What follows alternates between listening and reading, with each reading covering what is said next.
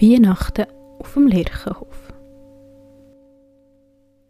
Ida, aufstehen, flüstert der Finn seiner Schwester ins Ohr. Wir können doch heute das erste Türchen auftun. Ida macht langsam das eine und das andere Auge auf und schaut ihre Brüder aus müden Augen an. Komm, der Papa ist schon auf, dann können wir gerade den Adventskalender auftun, sagt der Finn das mal lauter. Du hättest mich also nicht müssen wecken Finn. Weisst, ich will meinen Adventskalender nämlich erst am Abend auftun, sagt Ida und muss laut gerne. Der Finn schaut seine Schwester an und versteht nicht ganz. Dann kann ich mich denk, den ganzen Tag darauf freuen, aufs Auspacken, erklärt Ida, während sie aus dem Bett krasmet. Der Finn scheint immer noch nicht ganz zu verstehen, macht aber mit seinem Stofffass auf dem Arm kehrt und macht sich auf den Weg in die Küche zum Papa. Wo schließlich auch Ida in die Küche kommt, ist der Finn schon fleissig damit beschäftigt, das Nummer 1 zu suchen bei seinem Adventskalender. Der Papa hockt am Tisch, trinkt seinen Kaffee und studiert die Zeitung. Dida hockt neben Papi, wo schon ein Schnitteli parat gemacht auf ihrem Teller. Mit Erdbeerkonfi. Die hat sie nämlich am liebsten. Mittlerweile hat der Finn das Säckchen mit dem Nummer 1 gefunden und packt das Päckchen, das mit schönem goldig glänzendem Papier eingepackt ist, aus.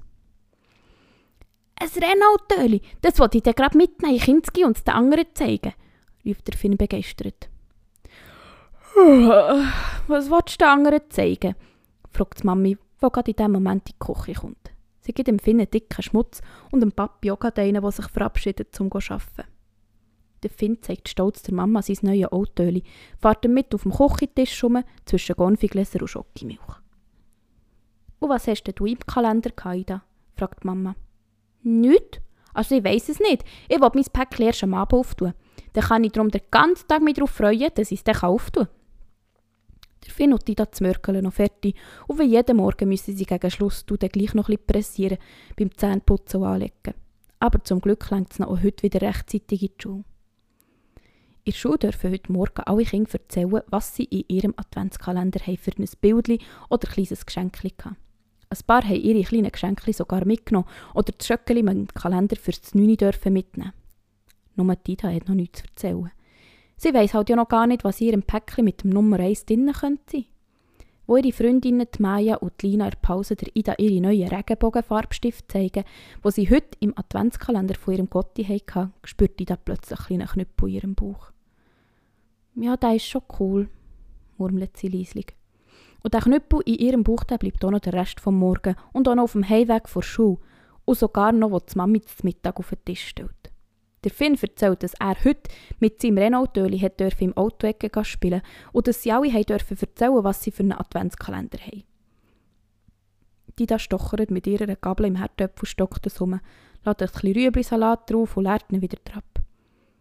Ida, was ist denn los? Du weißt doch, dass wir nicht mit dem Essen spielen, schimpft die Mami. Da bricht es aus der Eis raus. Das ist nicht fair! Dicke Tränen rollen dabei über ihre Backen. Sie pfeffern die Gabel auf den Tisch und verschränkt die Arme vor der Brust. Ida, erzähl mal, was ist denn los? Ist etwas passiert in der Schule?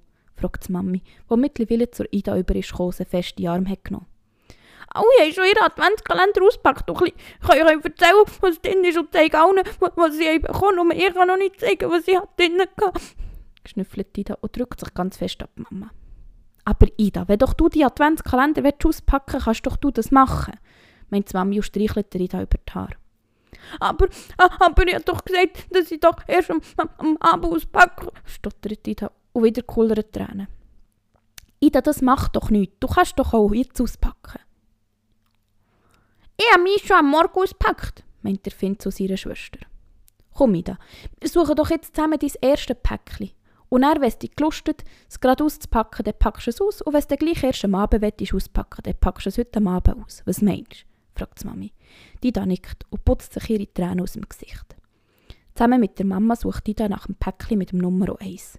Dida hat es schnell gefunden. Es ist in blauem Sternchen-Papier eingepackt und hat ein grosses, goldiges Eis drauf. Ganz dünn und glatt ist es. Dida ist ganz neugierig und probiert mit den Fingern zu spüren, ob sie echt herausfinden kann, was sich in diesem Päckchen verstecken könnte. Hm, ich glaube, ich würde schon gerne wissen, was die Gotti hat eingepackt für mich, meint Ida, wo alle drei zurück am Mittagstisch hückeln. Ja, wir sind auch ganz gespannt, meint Mami, oder Finn nickt zustimmend. Ganz vorsichtig löst Ida das Klebe und wickelt das Papier ab. Glitzersternenkleberli, strahlt Ida. und zeigt den anderen ihr Geschenk. Nach dem Essen malt und bastelt Tida den ganzen Nachmittag eine schöne Zeichnung mit Glitzersternen, wo sie ganz stolz dem Papi präsentiert, wo er zum Nacht endlich für oben hat. Und zusammen hängen sie die Zeichnung neben der Ida ihrem Bett auf. Ich freue mich schon auf morgen Morgen, was echt im Zwei drin ist. Dann kann ich den anderen auch erzählen, was ich drin hatte, sagt Ida an dem oben zufrieden zu sich selber, bevor sie einschläft.